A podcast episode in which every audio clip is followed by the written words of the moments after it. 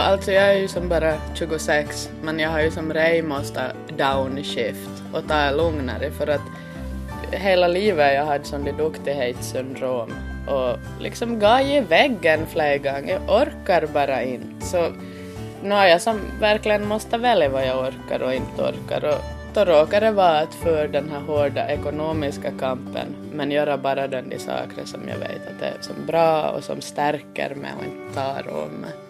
Det säger Alexandra Sandbeck som ni nu ska få höra i ett samtal om livet. Mitt namn är Ann-Sofie Sandström. En blåsig dag i september åkte jag hem till Alexandra i Lövö i Pedersöre. Jag lyckades först missa avtaget i den byväg hon hade bett mig svänga in på. Men när jag sen såg ett gammalt grönt trähus visste jag att jag hade kommit rätt. Ja. Kissi! Oj, vad stor! Ja, jag sa att det kommer nog en katt. Kan du vara så stor? Just det, Jag har känt till Alexandra i ganska många år och jag har märkt att hon inte alltid har gjort de enklaste livsvalen.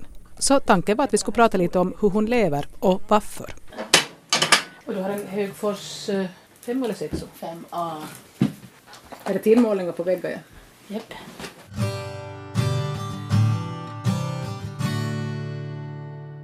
Alexandra Sandbäck heter jag. Jag är människa, kvinna, älskare, konstnär och så har jag ett skivbolag. Jag tror det måste, det måste omfatta allt det jag jobbar med där. Men jag är nog de här hade saker för Jag är så mycket journalist. Det är jag inte alls något mer. Ibland kan jag säga att jag är frilansjournalist, men att Alltså all titlar är så långt ifrån det jag tycker att jag är. Jag blir för smått. Så jag måste väl börja med människor. Och så är det nog ganska viktig aspekt att jag är kvinna. Men att sen kommer de kärleken och de konsten. Det är nog här jag försöker leva. Var växte Alexandra upp? I Porras i Kronby och i Nedevetil. Alexandra berättade att det här huset som hon bor i är ganska fallfärdigt och hon hyr det väldigt billigt. Men varför vill hon överhuvudtaget bo i ett hus? Uh, jag orkar inte med stan och jag vill inte bo i en lilla låda ovanför någon ader eller under någon ader. Jag känner nog bara att jag måste ut på landet och sökte egentligen länge efter några stör i lag med några kompisar och så vidare om man skulle ha starta något kollektiv. Men det blev aldrig det rätta då och så dök det här upp så tänkte jag att jag måste prova på det själv. Det ser ganska speciellt ut hemma hos Alexandra med mycket färgglada konstverk på väggarna och det råder definitivt ingen pedantisk ordning. Vissa kompisar säger att det är lite som att komma till så det är Alice i Underlandet. Färgglatt och, och mysigt. Så det. Men här nu, här precis som med stan, jag tycker inte om nya saker heller. Något mer. Jag vill ha de där saker med historia, så det blir ju helt igenom ganska gammalt här. Jag kan inte direkt påstå att jag själv på 70-talet skulle varit någon hippie, men på den tiden hade jag ganska många vänner och bekanta som var influerade av den här hippie-livsstilen. Och jag berättade för Alexandra att när jag kom in i hennes hus var det lite som om jag skulle ha blivit förflyttad tillbaka till något av de här ställena som jag kände till på 70-talet. Ja men är ju här, det känns som att det kommer hårt igen men att, att för mig känns det mig som att jag kommit hem till, Levas och Delays helt enkelt. Jag frågade Alexandra vad hon hade för planer på att hon skulle bli då när hon växte upp. Då jag växte upp? Eh, uh, no, egentligen hela barndomen så skulle jag bli känd kläddesigner. Jag var väldigt ambitiös. Och jag gick ju beklädnadsyrkes också. Så långt gick jag. Men så insåg jag att inte är jag som intresserad av kläder och pengar lika mycket som konst och människorna och så vidare. Så gick jag ju över till att studera film och, och musik helt enkelt för att göra något annat. Och jag skulle ju ha gjort allting före 25, när jag var lill och, och var framgångsrik och rik eftersom jag trodde att det spelade någon roll. Men det är nu är jag 26 och det känns nog helt okej okay att inte jag där jag skulle vilja vara. Så du skulle vilja ha liksom en framgångsrik karriär som antingen då filmskapare eller? Nej, det var nog bara kläddesigner. Ja, sen efter det släppte jag nog helt och blev liksom mer fri konstnär och insåg att jag kommer att leva fattigt om jag ska leva så. Men det är jag nöjd med nu just. Men det kostar ju att bo någonstans och det kostar att värma upp hus och det kostar att äta, så vad lever Alexandra på? Jag har ju ett eget skivbolag och det är nog främst det som jag hoppas att ska börja rulla så att det går på något sätt att leva på. Och det är som, det är ett arbete men tillika en hobby. Det som jag gör själv med konst och skrivas och fotas. Så visst, det kan ge mig lön ibland men att det är inte därför jag gör det. Så att det är som, jag försöker hitta NASOs balans till det och också försöka leva mig självförsörjande så att det blir låga kostnader helt enkelt. Nu just lever jag liksom på utkomststöd från socialen utan skam eftersom jag arbetar och betalar skatt som alla hade förr. Men att jag får som kämp hela tiden på grund av att jag har det här företaget för det är ju inte riktigt omtyckt. Man ska ju helst bara fara och söka ett arbete och inte så ta på med ett företag som inte riktigt drar in pengar. Men att jag tycker som att, att det borde vara uppmuntrat att man liksom försöker. Men att, äh, nåja, man får hanga sig fram bara och liksom se hur det går. Men hur kom du på att du skulle börja med ett eget skivbolag? Det låter som en ganska originell tanke att oj, jag ska börja med ett skivbolag. Mm, Jakobstad dessutom. Alltså jag gick, äh, sista året jag gick på, på film i Nykabi så kombinerade jag med Lappfjärds folkhögskola, musikproduktion. Då hade jag ju jobbat med låtskrivare och, och så vidare med min syster i flera år. Och det här, jag träffade på en barndomskompis där som jag kände i dagis, Niklas Harjo. Och vi återfann varandra och skulle börja, eller jag ville göra ett, ett singer-songwriter samlingsalbum med, med liksom all de här bra folk jag känner. Och jag behöver hjälp, så jag frågade ha. Nå, jag har hackat på och vi kom fram till att det är bäst i starta ett bolag att kunna göra det helt vitt och ordentligt och får man ett namn för sig så har man lättare till hjälp de artister som på riktigt och få sålda de skivorna. Så det var nog helt enkelt för att det skulle gå smidigast.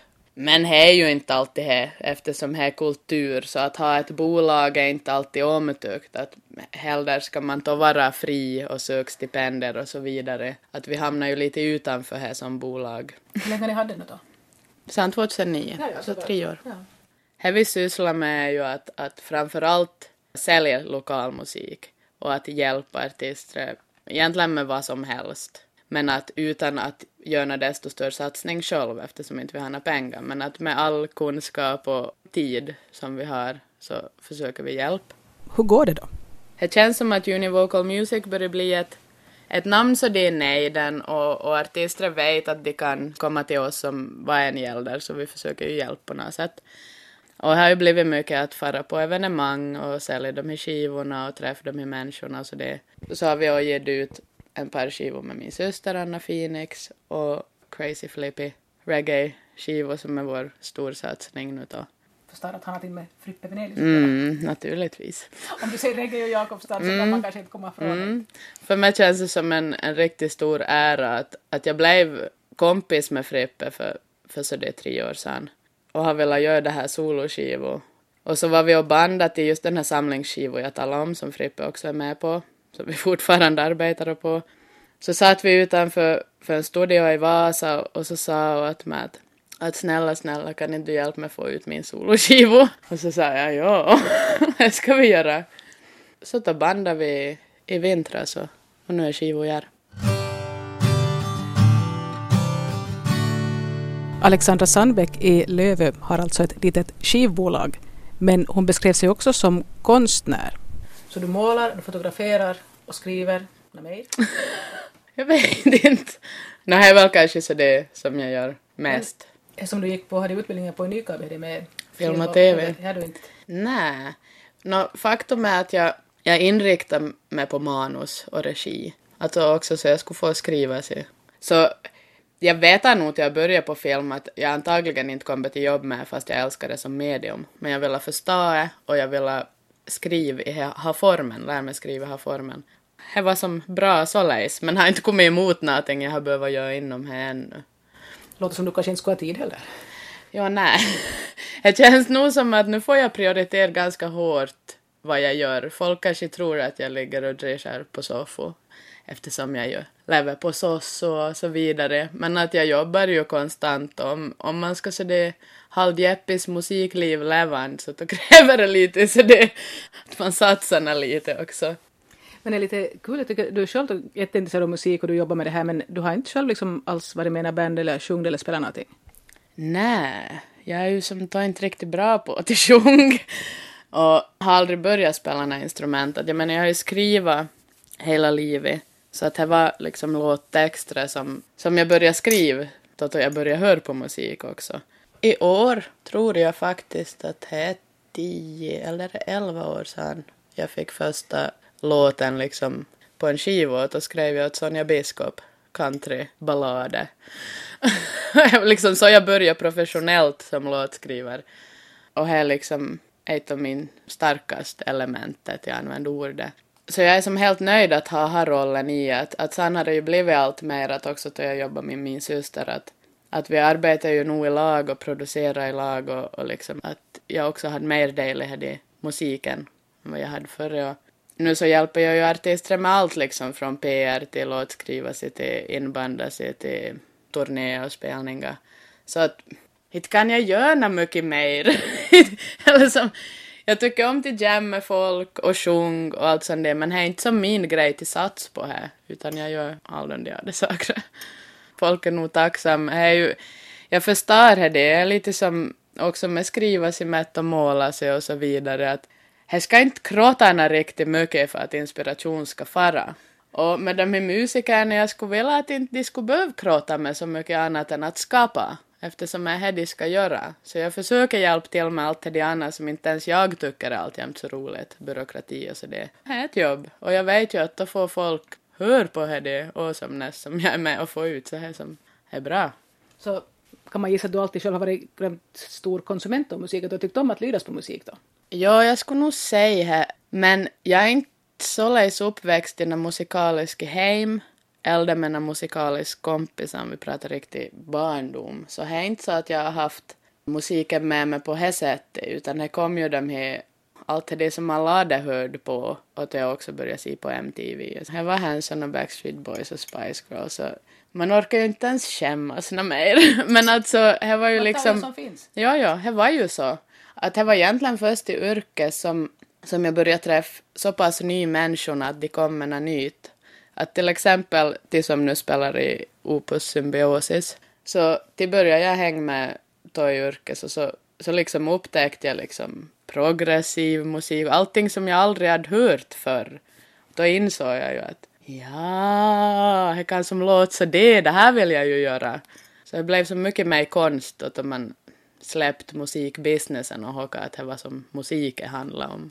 Så jag har alltid tyckt om musik jättemycket men jag så att säga upptäckte på riktigt väldigt sent, känns det som. Att jag har som så mycket att ta igen.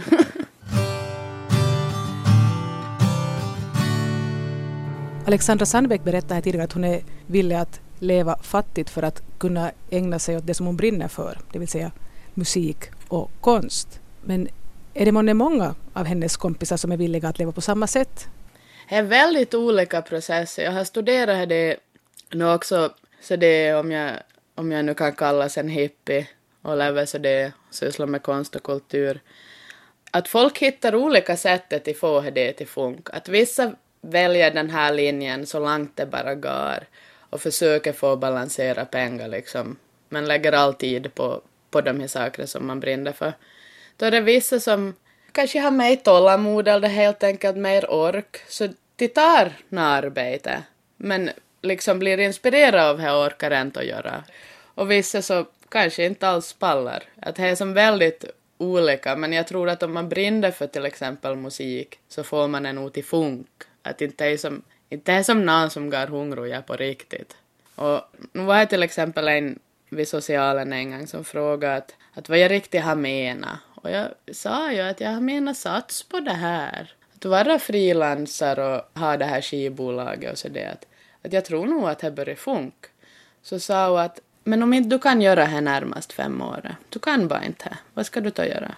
Och jag var som, inte hade jag något till sig. Jag kan ju göra det, jag gör ju det hela tiden.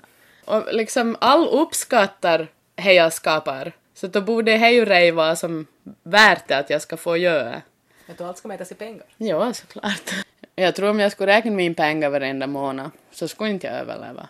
Så är det bara. Jag lever på något helt adeflyt. nu just. Och att man har bra kompisar som man kan byta med.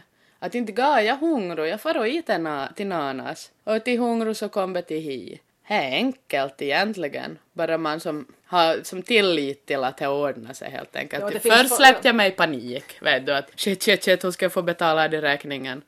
Men inte har jag som ännu lämnat bucket. Fast jag lever så det, så inte har jag som ännu missat med någon gång eller liksom inte hade råd till göra jag, jag har till och med haft råd till race, så det. Ja. Då jag målar så jag byter ju jättegärna tavlorna mot något annat än pengar. Mycket, mycket hellre än rediga matpåsar eller, eller något annat jag behöver. Och jag har ju också jobbat nu och hjälpt en kompis som har startat en liten klädbutik i Mono, Mystikmagasinet. Och här är ju också som en, en jätteliten klädbutik som just har startat, som säljer lite bohemkläder så jag vill vara engagerad. Och där har jag ställt upp liksom med fototjänster och att bara hjälpa till. Och därifrån tar jag hem kläder ibland. För kläder har jag inte råd med, med socialens. Och här kan jag arbeta till med liksom de här perfekta bohemkläder som jag vill ha. Och jag funderar mycket på det att, att om, just att om pengar bara skulle försvinna och vi skulle som annars fortsätta som vanligt eftersom ju ändå måste snurra. Alla skulle måste vara snälla åt varandra. Det är bara pengar som gör att vi kan vara elaka och ändå köpa till oss det vi vill ha. Men skulle inte vi ha några pengar så om du är en fittig jävel så inte är någon som kommer med mjölk eller bröd åt det och du är hungrig och inte har det. Men liksom är du schysst för att fixa något någon så då får du det. Men att pengar är nog, är nog grömt enkelt till, till skit i hela världen. För du får ju köpt åt det här du behöver. Jag försöker så lite som möjligt tänka på pengar. Och jag är ju också så det lite kort motståndare eller liksom att allt ska vara ettorna och nollorna istället för en de pappret som inte är väl och är det värde. Men att man i alla fall har i handen så jag som försöker använda riktig pengar och jag väljer grömt noga vad jag använder med ett kort och så det för att jag, det känns inte bra. Jag vill byta någonting som jag vet att det är någonting. Och att ens ha pengar till det på banken. Det, det känns inte som att det är på riktigt någon Nej, gång. inte egentligen. Nej, inte finns det ja, pengar. Det nej. finns bara liksom siffrorna på din datorskärm ifall du går in och scrollar upp, men att inte finns det ju egentligen. Nej. Nå, är det några folk på socialen som det här som ifrågasätter ett sätt att leva? All statliga instanser gör det. Du menar människor. Ja, ja okej. Nu finns det vissa som om jag klagar eller säger bara att nej, att jag kan inte, att jag har inte råd och så vidare som säger det, men att skaffa nu ett arbete. Men inte har jag som mig till sig åt dem. Jag är som helt, jag lever rättfärdigt enligt mig själv. Så jag behöver som inte för pengars skull eller för någon annans skull ta ett arbete som skulle laga mig sjuk. Om inte fysiskt så psykiskt. För att inte klarar jag av till arbete med vad som helst. Speciellt inte saker som jag är dålig på. Så jag förstår inte varför jag ska göra det. Det är ju inte något bra åt samhället om de lägger mig på ett arbete som inte jag... Jag har inte inte kapacitet till att göra. Eller till exempel att de försöker få mig till städa vid Snellmans. Jag som är vegetarian och vägrar köpa kött. Och har intyg på att ryggen inte klarar av det. Men likväl så är det som att här är det uppenbara alternativet. Du kan ju som inte göra det du gör, att du gör nu hellre det denand. Men jag förstår inte alls, jag förstår inte. Jag har inte någonting att göra. Jag gör så mycket gott, tycker jag. Ja, plus att det här om du gör någonting som kanske i framtiden kommer att ändå kunna vara att du kan leva på det. Det är väl det som är målet trots allt. Ja, varför ge upp? Varför ge upp? Alltså, de säger ju att det kan ta två år före du börjar tjäna på firmodin. Nå, enligt pappret är det först i år jag har blivit heltidsföretagare. Det var arbetskraftsbyrån som beslutade här åt mig, vilket ju då gjorde också att jag inte får FPA-pengarna mer. Men då var jag som sådär, jaha, jag är väl här då och får ta de straffet med jättelite pengar och karens från socialen och allt det. Men att det är ju som nu som jag måste eller jag försöker som säga som så nu också att det här är ett heltidsarbete för att de har sagt att det är det. Att jag får väl ta det som en sport då istället för, för att de som hackar ner på mig. Det finns inte som, finns inte mycket pengar till hämt men det finns några pengar till hämt liksom för att leva på. Det är bara inte ännu. Jag menar vi har, vi har just släppt det här Crazy Flippers skivo som Rej är i stort sett liksom största grejen vi har gjort och folk har visat mest intresse och så vidare. Så vem vet, nu tror jag ju som att det arbete jag gör är så bra att jag kan inte sluta utan det kommer att börja rulla så att jag ska kunna göra det, helt enkelt. Jag är ju som dig i det här arbetet nu och nu har jag mina ha.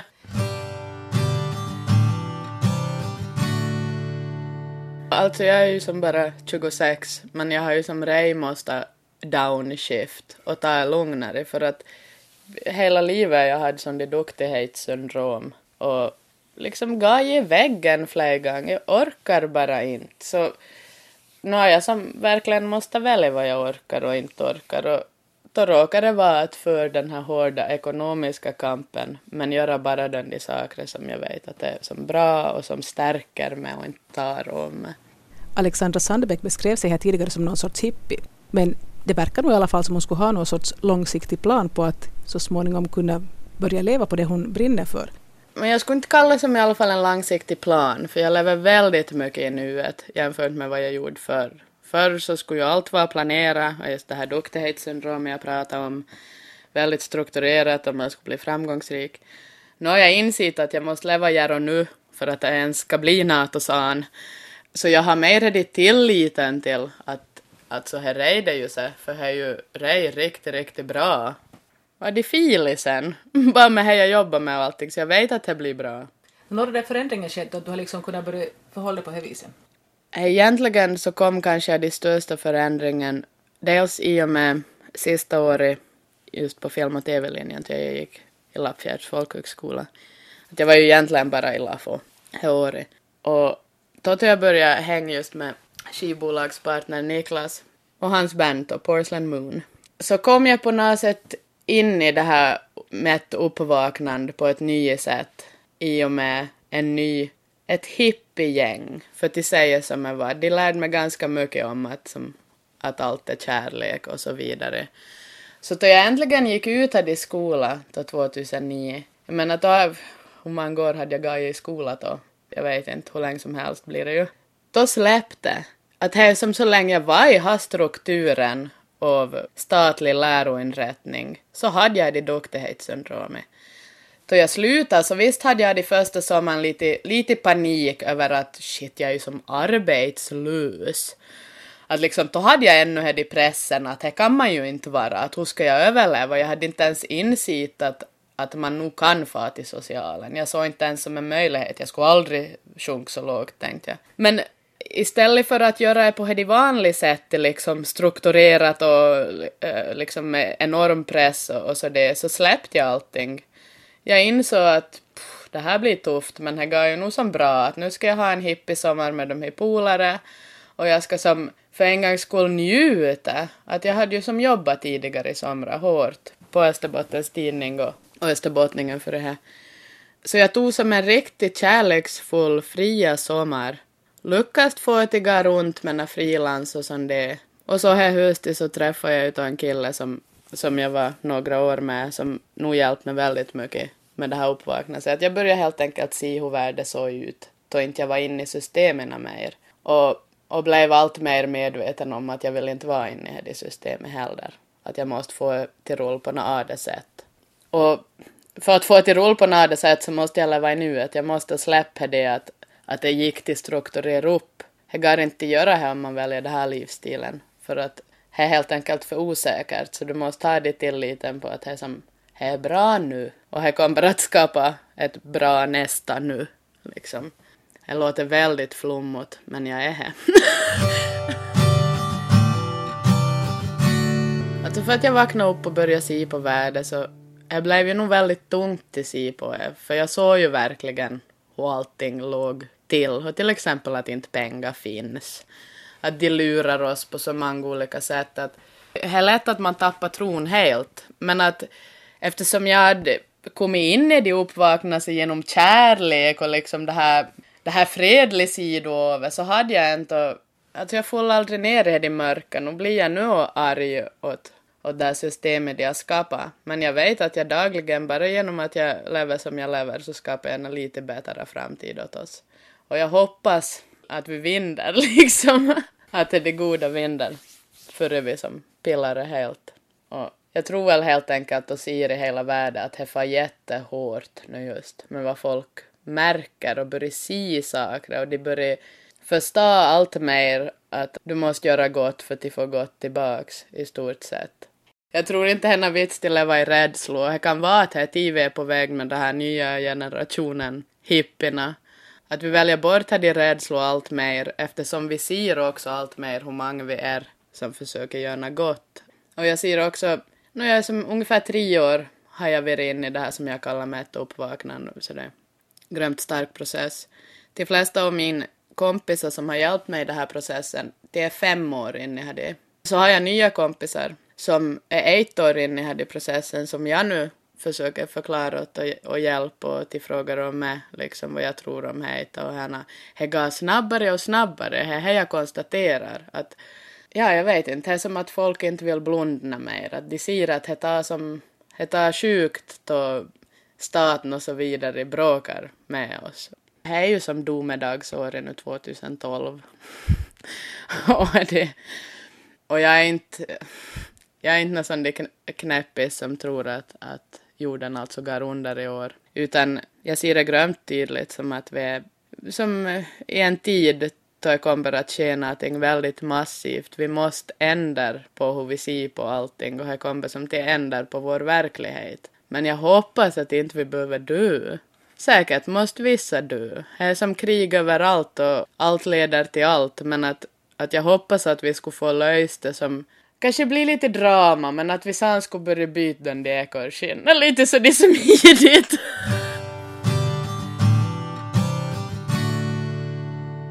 Alexandra Sandbeck har flera gånger nämnt det där med kärlek. Så jag frågar om hon kan förklara lite mer vad hon menar med det. Jag har för det första alltid sagt att jag inte är någonting utan ordemin. Men sen jag kom in i det här uppvaknandet så känns det svårare att lägga ord på de här sakerna. Att det jag pratar om med kärlek så kan man nog kalla energi, eller Gud, eller universum, eller jag, eller vad som helst. Det är det här eight som jag pratar om. Men kärlek, kanske som ett separat begrepp, så är ju den här goda energin som vi kan skapa alla lag. Jag tror att om man, om man riktigt lever i nuet så kan man inte egentligen skapa något annat än, än kärlek och energi. Så jag vet inte, det låter precis så det är flummigt och hippigt som är och här är liksom fri kärlek också som jag pratar om.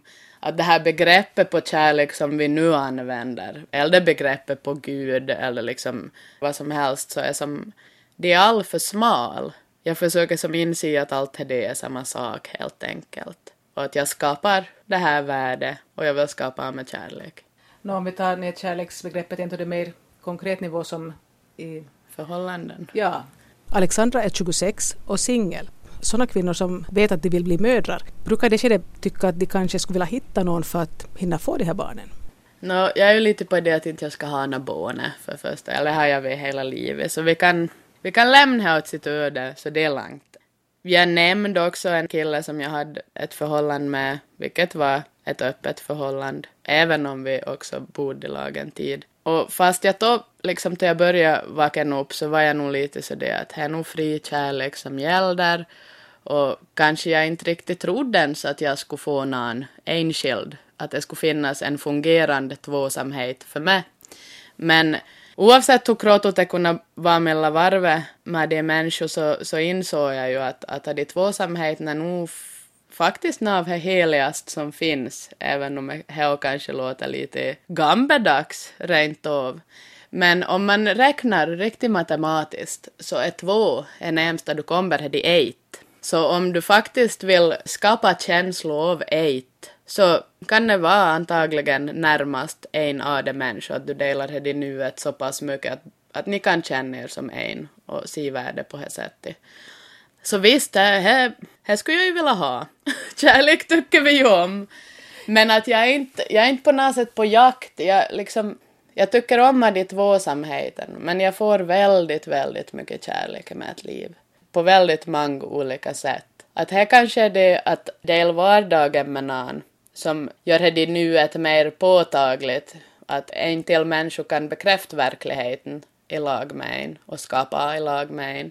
Men att till saker upplever man ju från och till med de här människorna som står nära. Och då kanske jag inte har helt Så det är klockren förhållande med folk enligt Kanske är lite mig fri kärlek. Det är nog mer, mer närhet och liksom djup än vad jag, vad jag som har upplevt förr med kompisar också. Att det är, som, det är nog ganska långt tillfredsställande. Och jag har ju min klöverkatt. Så inte är ju allt för ensamt. En stor fin katt har jag. Och så har jag ju väldigt mycket folk här som ser på sammaledes. Att man, man delar det kanske mer konkret i kärleken även med kompisar. Det jag har i alla fall. Så det, ja, inte när jagas för min del i alla fall. Jag vill omge mig med nära människorna, men att blod är inte nödvändigtvis tjockare än vattnet på något sätt. Det här var Alexandra Sandbäck i Lövö som ni har hört i ett samtal om livet. Mitt namn är Ann-Sofie Sandström.